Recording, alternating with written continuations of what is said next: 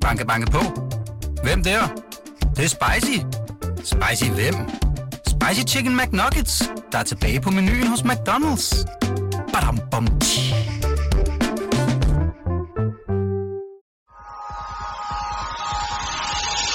Du lytter til Succeskriteriet.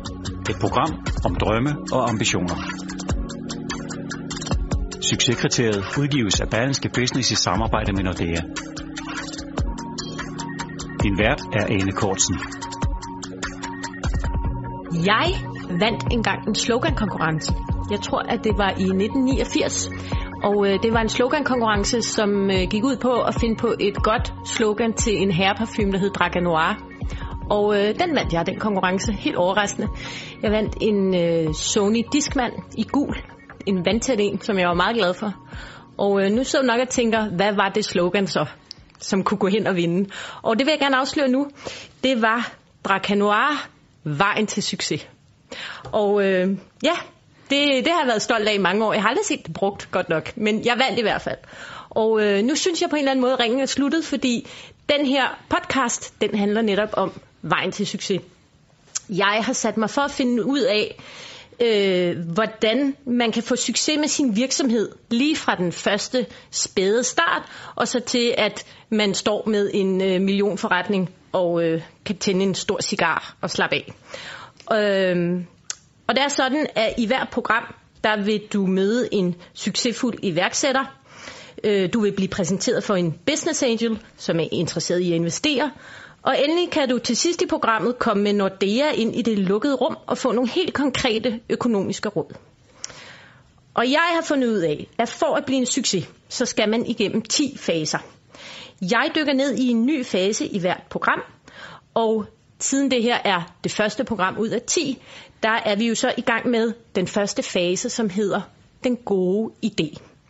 Og derfor skal jeg byde velkommen til dig, Anders Lausten fra Family. Hej Anders. Hej. Prøv lige kort at forklare mig, hvad er det, din virksomhed går ud på? Jamen, ved Family laver vi en platform til daginstitutioner og forældre, mm. så man kan følge lidt med i hverdagen som forældre og se, hvad der foregår i institutionen, modtage billeder og videoer. Men også på den anden side for institutionen hjælpe med nogle af de administrative ting, så der faktisk øh, kan blive brugt mere tid på børnene. Mm-hmm. Så det er det, vi det vil... bøvler med til dagligt. Ja, og det, hvordan går det med det? Det går faktisk rigtig godt. Ja. Altså, vi har over 200 institutioner på nu, i både Danmark, England og Tyskland. Så, øhm, så det går rigtig, rigtig stærkt og er gået rigtig hurtigt de sidste tre år her, hvor der er sket rigtig mange ting. Så det, det har været en spændende rejse indtil videre. Okay. Og øh, som jeg sagde før, så skal det jo, øh, første program her, det skal handle om, hvordan får jeg den såkaldt gode idé. Fordi man hører jo tit, øh, at det er den gode idé, der driver en startup fremad. Det er det, der gør, at man kan tiltrække investorer, og at det i hele taget bliver en succes, det er, at man starter ud med en rigtig god idé. Og så er guldspørgsmålet jo, hvordan får man en god idé? Og hvad, hvad, hvad har du af råd der, Anders? Jamen, øh, vi greb det sådan lidt øh, anderledes an, vil jeg sige, end man nok øh, traditionelt set, og end man nok tror, øh, har været lidt mere, gået lidt mere systematisk til værks. Ja, og hvem, prøv at forklare mig, hvem er vi? Ja, jeg startede Family sammen med, med Henrik, min gode barndomsven, så mm. vi mhm. kender hinanden siden vi var fem, så vi ved, hvordan hinanden tænker. Det er uh-huh. selvfølgelig en, en fordel, ja. både godt og skidt. Ja. Men øh, vi, øh, vi gav os egentlig i kast med det sådan ret systematisk, hvor vi havde en lang liste af idéer, øh, vi, vi sådan besluttede os for at undersøge mm. på, på forskellige vis. Og, øh, og den liste, kan man så nok spørge sig om, hvordan kommer den sådan en liste frem? Mm det, er, altså, det var meget, selvfølgelig var der nogle ting, der kom, men det var også meget bevidst, altså hvor vi simpelthen satte os ned, mm. øh, både sammen og individuelt, og, og tænkte over bestemte ting. Altså når jeg så fjernsyn, tænkte jeg over, hvad det, de snakker om her? Er der nogle ting her? Er der nogle problemer i hverdagen mm. øh, inden for det, de snakker om? Når jeg gik rundt i verden, så øh, tænkte jeg også over, altså, mm. så jeg var ligesom i idé-mode, eller hvad man kan sige. Ja. Øhm, der var sådan og det kan jeg også mærke, ja, altså, jeg kan mærke tydelig forskel fra, fra nu. Mm. Nu får jeg primært idé omkring family mm. til den gang, hvor jeg fik idéer omkring alt muligt mærkeligt. Altså det gør jeg ikke nu, fordi jeg ligesom ikke er i den det mode. Mm. Uh, så jeg tror på, at man kan, man kan også, man skal ikke vente på, at den dumper ned fra himlen en god idé, man kan godt uh, sætte sig for, at nu vil man finde en, uh, et eller andet, som, som, uh, hvor man synes, der er et problem, eller noget, man kan gøre bedre. Så det er noget med ligesom at åbne for sluserne, og så være opmærksom på et problem, hver gang man støder ind i det, og tænke, kunne der, være en, kunne der være en løsning her? Præcis et problem, eller tænke, hvorfor gør man det sådan? Altså, er det bare fordi, vi altid har gjort det, eller kan der være en smartere måde? Altså, mm. mange gange så gør man jo noget, fordi sådan har vi altid gjort. Og, og, og, ikke og hvor lang tid var I i det mode? Jamen, det tog os ikke så lang tid at få lavet, altså en måneds tid, så havde vi en lang liste af idéer. Nå, Uh, så det var ikke lang tid. Um, så begyndte vi så at shortliste nogle idéer, altså lave en liste på 10, hvor vi tænkte, okay, dem her dem vil vi gerne arbejde lidt dybere med. Vi havde også nogle kriterier. Hvad var det? Hvad kunne det Vi være? havde nogle kriterier, hvor vi sagde, altså øh, sådan helt konkret, at det skulle være noget, hvor vi kan lave et eller andet øh, teknisk. Vi, øh, vi er jo begge to produktfolk inden for teknik, så vi kunne godt tænke os at lave et eller andet app, øh, platform, et eller andet, hvor man skulle bruge noget teknik, for det var det, vi var gode til. Det var der, vi havde vores kompetencer. Mm-hmm.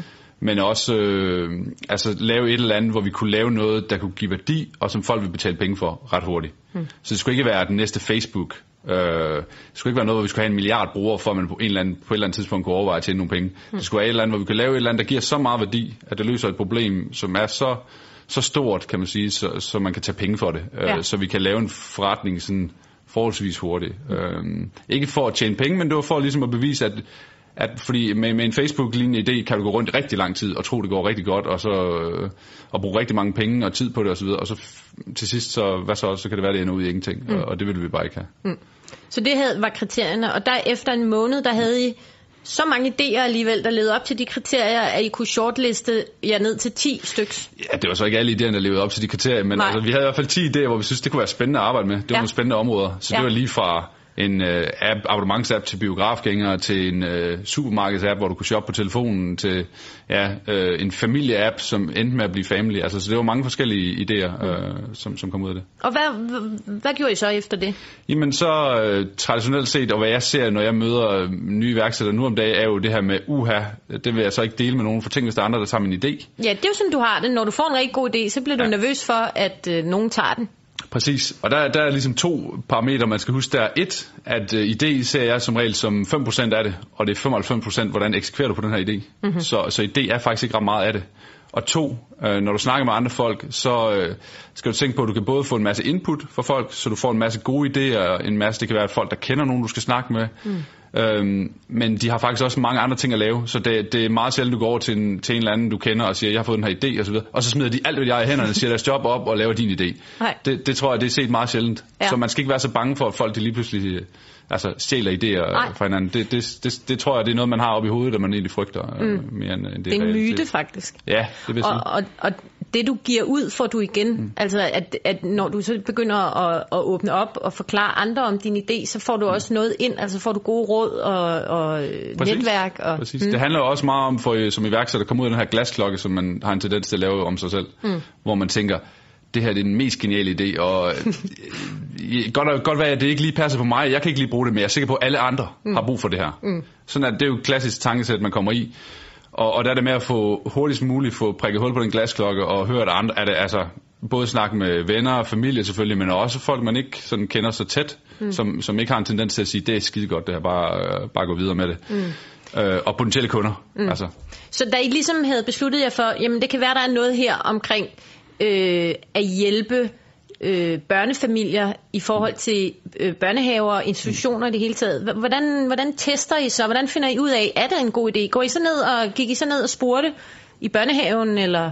Jamen altså, det, og det er jo også sjovt, hvordan en idé, øh, det er jo sjældent øh, den idé, man starter ud med. Altså som sagt, vores idé var meget omkring familien. Altså have den her app, som samler det for familien, så fra skole, daginstitution, sportsaktiviteter, mm. hvad dine andre familiemedlemmer laver. Altså en slags digital kalender? En slags, ja, en, en familiekalender, et, et, et område, hvor familien koordinerer ting og, og får ting ind. Mm. Øhm, det var sådan et udgangspunkt, og stadigvæk den langsigtede vision. Men vi har også bare indset, øh, at meget hurtigt man bliver nødt til at have fokus. Øh, så, så Henriks datter startede i daginstitutionen på det tidspunkt, og vi fandt ud af, at alt der var, var papir. Det var manuel øh, Ja. papirsedler, mundtlig kommunikation, Ja. øh, opslagstavler, folk øh, ikke læste. Mm. Så, så der var meget ineffektivitet, og, og, og der så vi så, okay, hvis det skal være digital, den her app, mm. så bliver det nødt til at være digital i den anden ende også, så nede i institutionen. Mm. Og, og der kan man så igen, apropos den unikke idé, øh, var vi selvfølgelig rundt og kigge på, og der var andre løsninger på markedet. Okay. Og, og, øh, og, og i Danmark lige nu er der måske en 8-10 forskellige løsninger, som laver noget eller samme kategori. Øhm, og der skal man også, altså det det siger, det, det, det er svært at være unik, det kan man næsten aldrig være, men men man skal også tage en beslutning der, om, om tror man, man kan gøre det bedre end de andre. For mm. det er jo også en holdning at sige, altså vi troede på det tidspunkt, og det gør vi stadigvæk til den dag i dag, at vi kan gøre det meget bedre. Mm. Øh, og det er jo også en måde at gå ind i noget på, altså mm. at sige, for du, så må vi lave noget, der er bedre, og noget, der, der er mere moderne. Mm. Så lad, i stedet for at lade sig stoppe af, at man skal have verdens bedste og mest unikke idé, ja. så er det egentlig okay, at der også er andre, der har ideen, eller der faktisk findes et lignende produkt. Øh, det, det behøver ikke at stoppe en. Nej, det vil der være i de fleste tilfælde. Altså, mm mange, som tror, de har en eller unik idé. Det kan jo ikke ret meget Google-søgning. Eller, det er jo også det, der er gode ved at komme ud og snakke med nogle andre folk eller iværksættere. Og sådan noget, for de vil tit have, at nah, men det har jeg hørt, at nogen der laver i Sverige, eller det har jeg hørt, nogen der laver ja. herover eller et eller andet. Uh, prøv at kigge på dem. Uh, skal du samarbejde med dem, eller har du lyst til at konkurrere med dem, eller det skal du tage. Men, men det er ikke noget unikt, det du laver, og det er det meget, meget sjældent, fordi vi er altså 6-7 milliarder mennesker på jorden, mm. og det skulle være underligt, hvis der ikke er en, der har fået den samme idé. Ja. Uh, så, så det er et spørgsmål nogle gange, om kan du gøre det bedre? Ja. Altså. Og så ligesom glemme den her fikse fikse tanker omkring, at den skal være fuldstændig unik. Ja. Øhm, men, men da I så ligesom kunne se, at der er noget her omkring daginstitutioner, og de kunne ja. godt have brug for en app, øhm, hvad gør man så? Går man så hjem og udvikler øh, en, en færdig app og prøver at sælge til dem, eller hvordan griber man det an? Det er jo, øh, vil jeg sige, den fejl, jeg har gjort før, altså i de ting, jeg har med til at starte før, har været traditionelt set, og også det, man, man, man mange gange øh, falder til, øh, mm. det her med at, at bygge det. Altså, nu, skal vi, nu har vi den her gode idé, lad os bygge det. Lad ja. os bygge den her app, eller lad os bygge den her hjemmeside, eller hvad det nu er. Og, og når man har siddet og bygget den, øh, det kan nemt tage et år, to år, eller hvor meget man nu øh, gør med det, øh, så går man ud og præsenterer den, og så kan det være, at man finder ud af, at det er den bedste idé, men mange gange så finder man ud af, at hov, det kan godt være, at det ikke lige var det, de havde brug for. Det kan mm. godt være, at det var noget andet. Og så står man med noget, der er helt færdigt. Så står du med noget, med du har brugt helt vildt meget energi, ressourcer og tid på alt det, og, og, og finder måske ud af, at det var måske ikke lige det, vi kunne måske have justeret ind tidligere. Mm. Så, så det vi gjorde den her gang var, at vi faktisk bare lavede nogle skitser. Så vi lavede måske en af fire sider med noter, hvor vi tænker, så laver vi en lille præsentation. Det tager ikke mere end øh, et par dage. Så altså vi helt sådan analog papir, ja. hvor I tegnede, hvordan en app øh, ville se ud? Ja, i det her tilfælde lavede vi nogle skitser i, øh, på, på computeren, men, men det var ikke noget avanceret, som du tegner, eller du laver nogle skitser på computeren. Det er sådan set ikke det, der er det store øh, problem. Men, men noget, vi kunne vise, mm. og, og, og noget, vi kunne tale ud fra. Og så kan du faktisk øh, forklare mange ting. Hvis du ikke du kan forklare din idé over for en potentiel kunde, så har du allerede et problem lige der. Så, mm. Så bare det at have et eller andet, der behøver man slet ikke at sidde med det færdige produkt. Slet ikke. De, de skulle bare vide, øh, hvor er det, vi gerne vil hen, hvad er det for en vision, vi har, og, og hvad sådan cirka kommer det til at kunne. Mm. Hvor gik øh, I hen med jeres præsentation så? Jamen så øh, ringede vi rundt, simpelthen til daginstitutioner, ja. og spurgte, om der var nogen, der har lyst til at mødes med os. Og så mødtes vi med nogle stykker, mm. og, og fik et møde, og sagde, vi har godt nok ikke noget lige nu, vi har den her præsentation, vi vil gerne øh, høre, hvad I tænker om det. Øhm, og der kan man så meget hurtigt mærke jo, er det noget, der virkelig giver værdi, eller er det noget, der bare sådan øh, sidder de og tænker, ja, det kan da godt være en eller anden dag, øh, ring til mig om øh, seks måneder mm. eller eller andet. Og der kan vi mærke med det samme med Family, at, at der virkelig var, altså, der var en masse positivitet, altså de synes, det var rigtig fedt. Mm. Og der, de, der, så der var et eller andet, kunne vi mærke med det samme meget hurtigt. Og i det første møde øh, aftalte vi faktisk også pris, så vi sagde, i får det gratis i 6 måneder, fordi vi ved godt, at vi har slet ikke noget endnu. Mm. I får det her, så, vi har lavet gratis. Så vi har ligesom ikke, altså de, for de første de spurgte, det var, hvornår kan vi få det? Altså, mm. hvornår kan vi få det her? Jamen, øh, det er også et godt tegn, ikke? Vi har kun et par skitser, så vi skal lige arbejde på det. Ja. Øhm, men så vi aftalte faktisk også pris. Ja, altså vi aftalte pris med dem efter 6 måneder, så siger vi, 6 måneder er I med til at udvikle meget af det her. Efter 6 måneder, der tror vi, vi har nok til, at I i hvert fald skal kunne betale for det og vi aftalte pris, for det giver også en indikation af omkring, om det er det faktisk noget, der giver så meget værdi, at de er villige til at betale for det. Fordi hvis der, der er meget stor forskel, hvor man siger, jamen det, det kan vi godt bruge det her. Mm. Men hvis du ikke er villig til at betale for det, så er det måske mere nice to have, end det need to have. Og, mm. og det skal man være meget opmærksom på, som, så, så bliver det kun sværere i længden, når du, når du kommer ud til kunder, hvor du måske ikke engang møder dem fysisk, men ja. kun på telefonen. så. så som udgangspunkt skal man altid sikre sig, at folk gerne vil betale for det? Ja, i hvert fald, altså hvis vi snakker business to business, som, som vi gjorde, altså hvor vi sælger til en, til en forretning, så, så ja, altså... Mm det er der, hvor jeg snakker om igen, vi har besluttet os for, at vi ikke vil lave en Facebook-idé, for eksempel, hvor mm. vi skulle have en milliard brugere på, og ikke, mm. folk ikke skal betale osv. Det er en anden, det er en anden side. Mm. Øh, hvis du laver noget til forretninger, så skal der meget hurtigt være en villighed til at betale, ellers så, så er det måske ikke øh, mm. så løser måske ikke et problem, der er stort nok. Nej. Altså. Og så de første seks måneder der, hvor I så udviklede appen, var det så i sådan kontakt med den daginstitution der, der, der havde, havde bidt på? Ja, altså så, og, og det igen gjorde vi i faser. Altså, øh, vi havde lige læst, begge to, både Henrik og jeg, havde læst øh, bog, der hedder Lean Startup, som jeg kun kan anbefale. Ja. Hvor det bliver ligesom en aha-oplevelse, når man har gjort det. Men det snakker meget om det her minimum, minimumsprodukt, eller MVP, som de kalder det, mm. som man skal ud med. Mm. Så, så det betød også, at vi øh, sagde, okay, vi kan lancere noget allerede efter en måned. Øh, Okay. vi har mødtes med dem. Så lancerede vi den første lille del af produktet.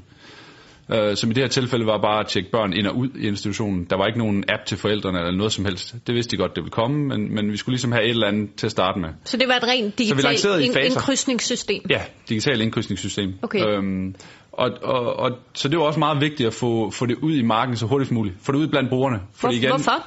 For igen det her med glasklokken. Ja. Du kan sidde og tænke dig til, at øh, det er nok sådan her, de skal bruge det, og det er nok det her, de har lyst til osv. Men indtil du får nogen til at faktisk at prøve det, både forældre og, og, mm. og pædagoger i vores tilfælde, så, øh, så er det meget svært. Altså, så øh, så vi, vi sad derude, faktisk i institutionen første dag, hvor det blev lanceret, hmm. og, og, og holdt øje med, hvordan forældrene brugte det, hvordan gik det op, er der noget, de ikke kunne finde ud af, hmm. var, altså, var det ikke intuitivt for eksempel, øh, og vi sad allerede og rettede nogle ting der. Mm. Øh, vi, sad, ved- vi har sådan et billede, hvor vi sidder ved nogle små, øh, små borer i, i børnehaven, øh, Og en masse nysgerrige med, børn. med, med bærbarn, ikke? Og, Ja. og, og, og holde øje med tingene. Ja, så samtidig det, det, det, det er simpelthen også et andet mindset i forhold til, altså man skal hele tiden tænke, at det ikke er et færdigt produkt, man leverer. Det er hele tiden i, i, under udvikling, Ja. og det skal man ligesom være stå ved. Og, altså, det er vel også måske noget med at sluge sin stolthed i forhold til, at man vil selvfølgelig gerne komme med noget, der er helt fikst og færdigt. Ja. Øhm, ja, det skal man ud over. Og man det skal man forbi. Ja, Ja. ja, og man skal ligesom også øh, vide, at, at så slemt er det heller ikke. Altså, øh, de synes bare, det er sjovt at være med på noget. Dem, nogle af de kunder, du får til at starte med, øh, højst sandsynligt, det er garanteret nogle first movers, som synes, det, det er fedt at være med fra starten. Mm. Øh, og hellere end gerne vil give input. Øh, og, og der skal du bare tage det som, som, som et held, at du ikke har ret mange kunder. Altså, du kan faktisk ringe op til hver enkelt kunde, hvis der er noget, der går galt, eller hvis der er noget, der ikke virker. Ja, det er øh, så, så man har det her, og det kan faktisk, der kan du lave en, en dårlig oplevelse til en god oplevelse. Okay. Så det skal man udnytte til at starte med, at, at man... Øh, mm. Jeg skal lige høre her til sidst, hvordan kan det være, at I satte jer ned to og prøvede at få en god idé? Hvorfor gik du ikke bare selv i gang med at få en god idé? Jeg har prøvet før sådan at være, være nærmest alene omkring en idé, og, og, og man kan synes, det er meget sjovt at, at eje det hele. Mm. Men, øh, men problemet er mange gange, at, at når du er iværksætter, så er der så mange op- og nedture hele tiden, og der er så mange ting, du bare sidder med igen alene. Mm. Og, og det kan være sindssygt hårdt Ja. øh, at gøre og sidde med det helt alene. Så, så vil jeg aldrig nogensinde anbefale nogen at starte op helt alene. Mm. Der er det bedre at få nogen at dele byrden med. Altså det er sjovere at have øh, halvdelen af en, af en succes, end at, end at sidde med 100% af noget, der ikke bliver til noget. Mm. Øhm, Tror du, du havde fået, havde du fået ideen til Family alene, eller er det i, i, i høj grad et udslag af, I var to? Det var i høj grad altså, samme. Altså, det, var- det, jeg fik nogle dele af ideen, han kommet med andre dele af ideen, og i og med, at hans datter startede i daginstitution, så, så kom der selvfølgelig også en, en, en stor del af det derfra. Mm. Så det var sådan en kombination jo, ikke? Altså, af nogle forskellige små steps på vejen til at få den rigtige idé. Øh, men, men de her op- og nedture, det er virkelig vigtigt, at man, man øh, altså både i idéfasen, men også senere hen, at man er, man er flere om det. Ja. Det, øh, Så det ikke bliver så hårdt. ja. Og, og man kan vel også drage den lære af din historie, at øh, man kan få en god idé, men man skal også være åben for at ændre den. Altså fordi I lagde ud med, at det skulle være en familieapp, men, men var så åbenbart villig til, selvom man gerne vil holde fast i det, til at ændre det til en, en, en, en, en app, der skulle fungere mellem daginstitutioner og familie. Øh, og det må, er det ikke svært, når du først har besluttet dig for, at nu er det det, vi gør, og så lige pludselig skulle sadle om? Jo, altså man skal selvfølgelig tage, tage altså være ret skarp omkring, hvor er det man, hvornår vil man gerne skifte retning, og hvor vil man ikke, fordi selvfølgelig er der ligger også en stor del vision i, hvor vi gerne vil hen af, og så videre. Øh, og som sagt, den langsigtede vision er stadigvæk den samme, men vi bliver også bare nødt til at sige, uh, hvis vi skal være en succes, så bliver vi nødt til at, at have fokus også. Altså, mm. vi kan ikke lave det hele på én gang. Vi kan ikke være alt for alle. Mm. Øh, så ender vi med at blive ja, den her familieapp, som, som måske er, er meget, meget rar at have, men som mm. der ingen gider betale for. Øh, så, så så det var vigtigt for os at, sådan, at, at rette ind, øh, og det gør vi fortsat jo, mm. øh, rette ind, øh, okay. hvor vi kan, Ja. altså øh, hele tiden, altså øh, specielt i starten, men, mm. men det er sindssygt svært jo, fordi der er 100 millioner ting, du kan løbe efter i starten. Ja. Altså vi kunne også lave noget til skoler, vi kunne lave noget til daginstitutioner, vi kunne lave noget til Sportsforeninger. ja, sportsforeninger osv. Ja. Så, så selvfølgelig skal man have en idé om retningen, men man skal også være åben over for, for muligheden, der kommer, når man dykker rigtig meget ned i et felt. Ikke? Mm. For vi ved jo mere om daginstitutioner i dag, end vi nogensinde kunne forestille os. Mm, Det kan være, vi skal tage en quiz bagefter. Jeg føler også, jeg ved meget. Men, men, øh, men, og det du siger er, at hvis, hvis man rammer et meget, meget konkret behov, øh, så er folk også villige til at betale for det, og villige til at abonnere på det, i forhold til noget, som er meget rart at have, men som du godt kan undvære. Ja, altså det er i hvert fald altid et fartegn, når folk ikke har lyst til at betale for det. Altså Ja. fordi så skal, man, så skal man tænke sig selv, altså det kan godt være, at de ikke har forstået, hvad man har sagt, så skal man selvfølgelig arbejde med sin kommunikation, men, mm. Men man skal også overveje, om, om, om det faktisk bare er noget, som de synes, det kunne da være meget rart, men mm. det er faktisk ikke noget, som, som vi tænker over i hverdagen, mm. og, og så, så, så det skal man være meget opmærksom på. Altså mm. penge, det er som regel det, der, der viser, om det virkelig giver værdi. Ja. Øh, Ja. Altså i hvert fald på, på business-siden. Altså det, det, det siger ikke, det, det er nogle andre mekanismer, der, der virker på, på Instagram og Ja, Facebook videre, medier, hvor det ja. er reklamebaseret og så videre. Ikke? Mm. Så, så det kan man ikke helt sammenligne med, så, så skal man huske at... Okay. Og- Men så hvis jeg skal opsummere, Anders, så det du siger er, at øh, man kan rent faktisk godt sætte sig ned og øh, få en god idé ved at, at, at øve sig. Ja, Øh, det er en god idé at være mere end en, og det er en god idé at finde frem til et helt reelt behov, som folk gerne vil betale for, og som du i øvrigt kan forklare relativt enkelt. Og så er det en god idé at bygge undervejs, og ikke øh, bruge alle kræfterne i starten på at lave det helt færdigt. Ja, mm. det er, altså det, den sidste, den handler meget om, om det her, også noget naturligt, altså fail fast kalder det, altså kom ud, hvor du, hvor du, hvad er det, du stør, har størst chance for at fejle med, mm. gå ud og få testet det af, fordi så er der ingen grund til, at du sidder og bruger et år på noget, hvor du er sikker på, at du ikke fejler, mm. hvis du til sidst kommer ud og, og, og ikke kan sælge til en kunde. Mm. Øh, men menneskelig natur er bare det her, vi vil ikke fejle, så vi begynder med det, der er nemt. Altså vi begynder med papirarbejde, vi begynder med at bygge øh, systemet, vi begynder med at finde udviklere, og vi begynder med alle de her ting, hvor at det er der en milliard mennesker, der har gjort før. Mm. Men, men det med at få solgt et produkt til en kunde, mm. det er der, hvor den virkelig, altså det er der, hvor det højst sandsynligt godt kan fejle. Så, så det er med at starte med det, hvor man højst sandsynligt vil fejle først, fordi mm. det er bedre at fejle hurtigt og gå videre til noget andet, mm. End, end at, at sidde efter et år eller to år, og så finde ud af, at det, var måske ikke, det virker måske ikke lige helt. Nej, så simpelthen bare springe ud fra klippen ja. Som det første, eller være med at stå og, ja. Ja. og tage små øh, Det gør ondt, men, men det, man, man sætter pris på det. Altså, Ja. Jamen, øh, fantastisk. Anders, tusind tak, fordi du kom, og øh, held og lykke med Family for øh, fremover. jo, mange tak, og tak fordi du var med. Det var så lidt. Du lytter til Succeskriteriet. Programmet er tilrettelagt af Ane Kortsen og Fanny Pramming for Berlingske Business. Nu er vi nået til øh, dette programs Business Angel, og i dag har jeg fået besøg af dig, Toge Kruse. Og ja. øh, Toge, hvad gør dig til en Business Angel? Hvad har du gået og lavet? Jeg har været iværksætter i 15 år, og i forbindelse med de 15 år, der har jeg både startet virksomheder, jeg har også lukket virksomheder, Nå. og øh, jeg har også solgt virksomheder. Ja. Så øh, jeg har tjent nogle penge på de virksomheder, blandt andet nogle af dem, jeg har i dag, mm. men også det, jeg har solgt nogle virksomheder, så har jeg nogle penge, som jeg gerne vil investere i andre gode idéer eller gode teams. Og øh, det har jeg så fået, fordi jeg har arbejdet hårdt de sidste 15 år. Hmm. Og du har skrevet, fortalte du mig hele syv bøger om det at skulle starte en virksomhed. Ja, Og du øh, har også en meget læst i, iværksætterblog. ja, Så øh, du ved noget om det, og du har også nogle penge, du gerne vil investere. ja. Mm. Hvis jeg nu gerne vil have, at du skulle investere penge i min virksomhed, hvad, hvad, hvordan skal jeg så gøre mig lækker? Hvad, hvad kigger du efter?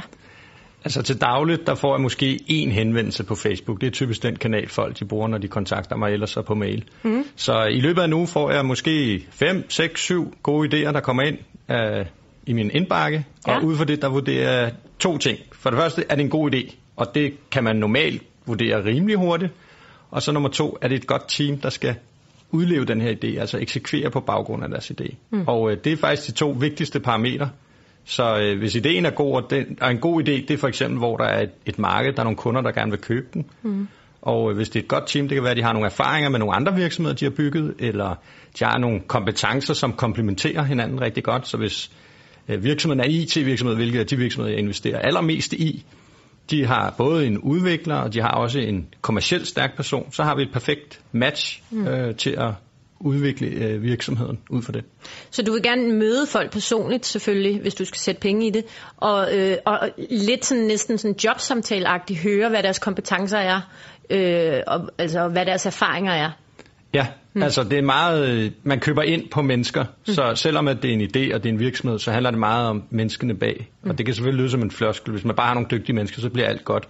Men det er faktisk der, som er de allervigtigste kompetencer for, at ideen lykkes. Mm. Så øh, jeg har også valgt teams fra, simpelthen fordi de måske har været for unge, eller Okay. de ikke har haft erfaringer nok inden for den idé eller det, det produkt, de gerne vil have til markedet. Mm-hmm. Og hvad med omkring selve præsentationen af sin idé? Er det underordnet? Altså vil du gerne have det sådan meget øh, færdigt tænkt det hele, eller kan du godt gå ind og investere, selvom det er sådan er på skitseplan? Det, normalvis så vil jeg investere, når de allerede har nogle kunder. De behøver ikke have rigtig mange kunder, men de skal ind sådan fagterm sige proof of concept, så man ved, at der er nogle kunder, der har købt ens produkt, man ved, at ens produkt eller beta-version eller prototyp virker. Hmm. Så begynder det at blive interessant for sådan en som mig. Okay. Så man skal selv lige tage den første mil og sige, okay, vi ved, der er kunder, og vi ved, at produktet virker. Nu skal vi bruge nogle penge til at vækste virksomheden, eller vi skal bruge min erfaring til at gøre ideen endnu bedre. Mm-hmm. Så det er ikke nok bare at have fået en lys idé, og så skrive til dig med det samme? Nej, det kan man godt, men man får ofte ikke noget ud af det, medmindre ideen er så god, at jeg siger, okay, det her, der har jeg nu noget viden, og måske et netværk, der kan gøre, at ideen faktisk bliver øh, vagt til live. Mm. Men så vanligvis, så skal man have proof of concept. Okay, og lad os så sige, at, øh, at øh, det lykkes, og du investerer nogle penge i for eksempel mit startup. Hvad, hvad forventer du så til gengæld? At, hvad er sådan vilkårene? Er, altså, du, er du så pludselig medbestemmende? Der er to måder, jeg gør det på. Den ene er, at jeg kommer med rigtige penge og investerer i virksomheden. Den anden måde er, at jeg kommer med min viden og siger, at jeg vil sidde i jeres advisory board, og i takt med, at jeg ligger x antal timer i virksomheden, så får jeg en mindre andel af virksomheden. Men typisk går jeg ikke ind og ejer en virksomhed mere end, det kan være alt mellem 5-10 procent, måske 20 mm. procent, men det er maksimum. Så for mig er det ikke så vigtigt at få en stor andel i virksomheden. Det er mere det med at være med på ideen, og så se det lykkes. Så det jeg forventer, det er egentlig folk, de arbejder rigtig hårdt med ideen. Sådan, så hvis der er nogen, der kommer og siger, at ah, det er en deltidsidé, og den laver vi en gang imellem, så bliver det ikke til noget. Man skal lægge rigtig mange timer i sin, sit arbejde eller sin idé, før det bliver til noget. Mm. Så øh, en masse arbejde og øh, en masse engagement, og så forhåbentlig på den lange bane, og det kan være 2, 3, 4, 5, 6 år frem i tiden, så giver det måske et økonomisk afkast. Så på den lange bane skal man selvfølgelig have sine penge tilbage, eller det er i hvert fald målet med det, og gerne mange gange igen. Mm. Men øh, sådan indledningsvis, så handler det ikke om, at man skal tjene en masse penge her nu. Mm. Øh, selvom der er mange, der siger, når de sætter sig til bordet, jeg vil gerne tjene kassen. Mm. Men man skal ikke gå i gang med en virksomhed, fordi man bare vil tjene kassen. Man skal gå i gang, fordi man har en passion for at lykkes med en idé, eller man har en, et eller andet, en viden omkring et marked, som andre måske ikke har, hvor man siger, det her, det er altså et hul i markedet, jeg tror, vi kan tjene nogle penge her. Mm. Kan du være med til at bruge din energi og nogle af de erfaringer, du har, til at at få det her til at lykkes. Okay, så du efterspørger passion og engagement, og så er du ellers også relativt tålmodig med hensyn til at få nogle af dine penge igen. Der kan du godt vente lidt. Ja, bestemt. Har du et eksempel på en idé, som har været et, øh, altså faktisk en god idé, men som du ikke har støttet, øh, og, og hvorfor? Ja, det har jeg. Øh, ofte så får jeg nogle idéer, som øh, løser et helt konkret problem, og det er sådan et udgangspunkt, der løser din virksomhed et problem, det gør den, men problemet er måske så stort, at det ikke bare kræver en, en lille iværksættervirksomhed, det kræver måske et hold på 100 mand, eller hmm. nogen, som har virkelig god erfaring inden for en branche. Hmm. Jeg har ikke lige sådan en konkret idé, for mange af de idéer, jeg får, det er nogle, jeg heller ikke må tale om, før at de sådan er, Nej, øh, det er man sige, offentliggjort. Er der nogle områder, du slet ikke går ind i, hvor du, det, det vil du aldrig investere i? Ja, øh, de områder, jeg primært går ind i, det er noget, hvor jeg selv ved noget om det. Og, og hvad det er det? IT og IT. software. Ja. Så det er typisk de virksomheder, jeg går ind i. Der kan være undtagelser, hvor jeg siger, at ah, det kunne være en sjov idé, hvis man kan lykkes med det, men som udgangspunkt, så grænser det meget ind til, at det skal være noget, som er online, og det skal være noget med mange brugere, og mm. det er okay. der, hvor min viden eller min kompetence ligger indenfor. Så Toge Kruse, Business Angel, du går efter passion og engagement, den åbenlyst gode idé, og øh, helst inden for IT-software online virksomheder. Ja. Jamen, øh, det er hermed givet videre, så må vi se, om du ikke får mange flere øh, mails i indbakken fra nu af. Men øh, tak fordi du kom, Toge. Velbekomme. Nu kommer det lukkede rum. Her får du eksklusiv adgang til Nordeas eksperter med konkrete råd om, hvordan din forretning bliver en succes. I dag skal vi snakke med Anne Lehmann Eriksen, som er forbrugerøkonom hos Nordea. Velkommen til. Tak skal du have. Anne, vi skal snakke lidt om øh, det her med at gå fra drøm til, til virkelighed, eller hvordan man rent faktisk etablerer sig som iværksætter. Hvilken overvejelse skal man gøre sig, inden man kaster sig ud i sådan et her projekt? Jamen, man skal tænke sig godt om. Man skal selvfølgelig have noget, man brænder for, en god idé, noget, man gerne vil gøre til sin levevej, til sin forretning. Øh, og har man en en samlever eller en ægtefælle, så skal man også kigge den person dybt i øjnene og sige, hvis jeg går i gang med det her, er det så okay for dig? Fordi at det kan godt være, at jeg ikke kommer til at tjene ret meget foreløbig, og måske aldrig rigtig meget, men, øh, men vi, du skal så sørge for huslejen, og vi får brød på bordet. Du skal også være indstillet på, at jeg som iværksætter, jamen jeg kommer til at arbejde om aftenen og i weekenden og, og så videre. Så, øh, så, så hvad siger du til det? Og har man en flink ægtefælle eller eller samlever, så vil de, øh, og de kan se, at det er noget, man brænder for, men så vil de sikkert sige ja, og så støtter de en. For det er vigtigt, at ens familie støtter en i det her. Fordi at det kan, som sagt, blive mange sene aftener, øh, og hvor man er opmærksomhed, altså ens opmærksomhed er et andet sted. Er man bare sig selv, ja, så skal man selvfølgelig øh, kigge endnu mere på økonomien. Der behøver man ikke at have godkendt det hos sin familie, fordi man kun er sig selv, men man skal huske at kigge på, hvad kan økonomien holde til. Og så skal man, altså jeg tænker, et godt tidspunkt at starte kunne være, når man lige er færdig med en uddannelse, hvor man måske har fået nogle gode idéer til noget, der kunne blive til en god forretning. Fordi når du lige er færdig med en uddannelse, så har du haft en lav levefod, du er vant til ikke at have så meget. Og det kan du lige så godt vente dig til, når du skal være iværksætter, at man starter jo ikke med at tjene en masse penge. Øhm, så man starter måske lige frem med en periode med, med rigtig meget lav, lavvand i kassen. Så skal man selvfølgelig have en god bank, man kan snakke med omkring finansiering. Man skal have en fornuftig plan. Så skal man selvfølgelig kigge på udgifterne, at, at man ikke fra starten sætter sig dyrt. Øh, så skal man sætte sig ind i de regler, der er. Der er rigtig mange fagforeninger eller A-kasser, som tilbyder, at man kan få sådan nogle kurser omkring iværksætteri. Det skal man tage alt, hvad man kan få, så man ved, hvad skat, øh, skat øh, hvad du skal gøre skattemæssigt, momsmæssigt osv. Der er sådan nogle rammer for din forretning, så du ikke starter med at få bøder, fordi du ikke har indberettet og, og gjort det, du skal. Så du skal kende rammerne og være realistisk, og selvfølgelig have styr på dine bilag og sådan nogle ting. Sådan noget, som nogen synes er kedeligt, fordi de har så mange gode idéer, de hellere vil bruge tid på, men det er rigtig vigtigt. Så kan det være, at man timer op med andre måske og får sig en forretningspartner. Og, øh, og den her forretningspartner, jamen øh, det kan være, at man sammen kan gøre noget rigtig godt. Men øh, det er også en rigtig god idé, at man, hvis man laver noget sådan mere forpligtende sammen og laver en virksomhed sammen, at man også har en advokat indover til at lave nogle papirer, fordi det, der kan ende eller begynde rigtig godt, jamen det kan godt ende lidt trist, når man ikke skal være, hvis man ikke vil arbejde sammen længere, når man skal skille virksomheden ad igen. Og der er det rart, at man har nedfældet nogle principper for, hvad skal der ske, hvis vi ikke længere skal arbejde sammen. Men sådan nogle tekniske ting skal man altså også tænke på i starten.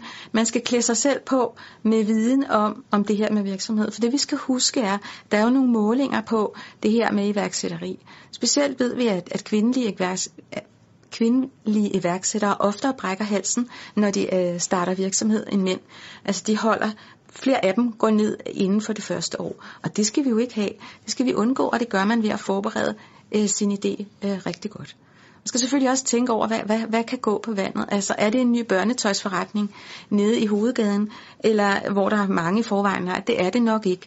Min øh, løsning, min opgave skal være noget helt særligt. Det kan jo sagtens være, at det starter med, at du selv har haft en rigtig dårlig oplevelse. Du har fået en dårlig ydelse, øh, dårlig service, du har fået nogle dårlige varer, nogle dårlige produkter, og så tænker du, det må man simpelthen kunne gøre bedre. Og så kan du jo sagtens have et, et specielt viden inden for et område, hvor du tænker, det kan jeg simpelthen gøre 10 gange bedre. Det må jeg, jeg må have min egen, jeg må lave det, jeg må, må starte, og det kan sagtens være det, der gør, at man simpelthen får lyst til at, at, at, at lave en løsning, som kan være, som forbrugerne kan blive endnu mere glade for. Den kan både være bedre, billigere osv. Er der nogle typiske faldgrupper, som man ofte ser, at folk falder i, når de går og drømmer om at starte øh, deres eget projekt eller deres egen forretning? Et eller andet, man skal være særligt opmærksom på? Jeg tror, den største faldgruppe er, at, øh, at der er mange, der slet ikke kommer i gang.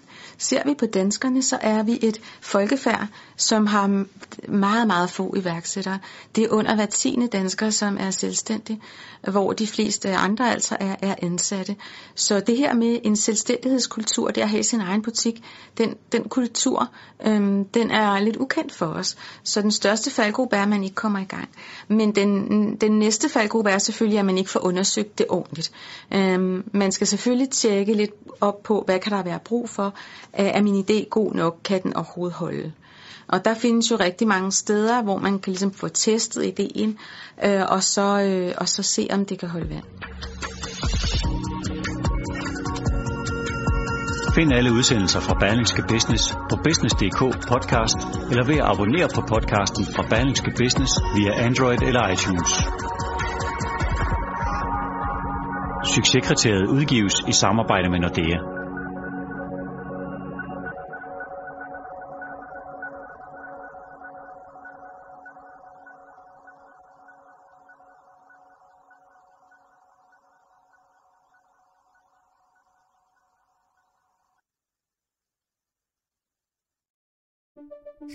Banke, banke på. Hvem der? Det, det er spicy. Spicy hvem? Spicy Chicken McNuggets, der er tilbage på menuen hos McDonald's. Badum, bom, tji.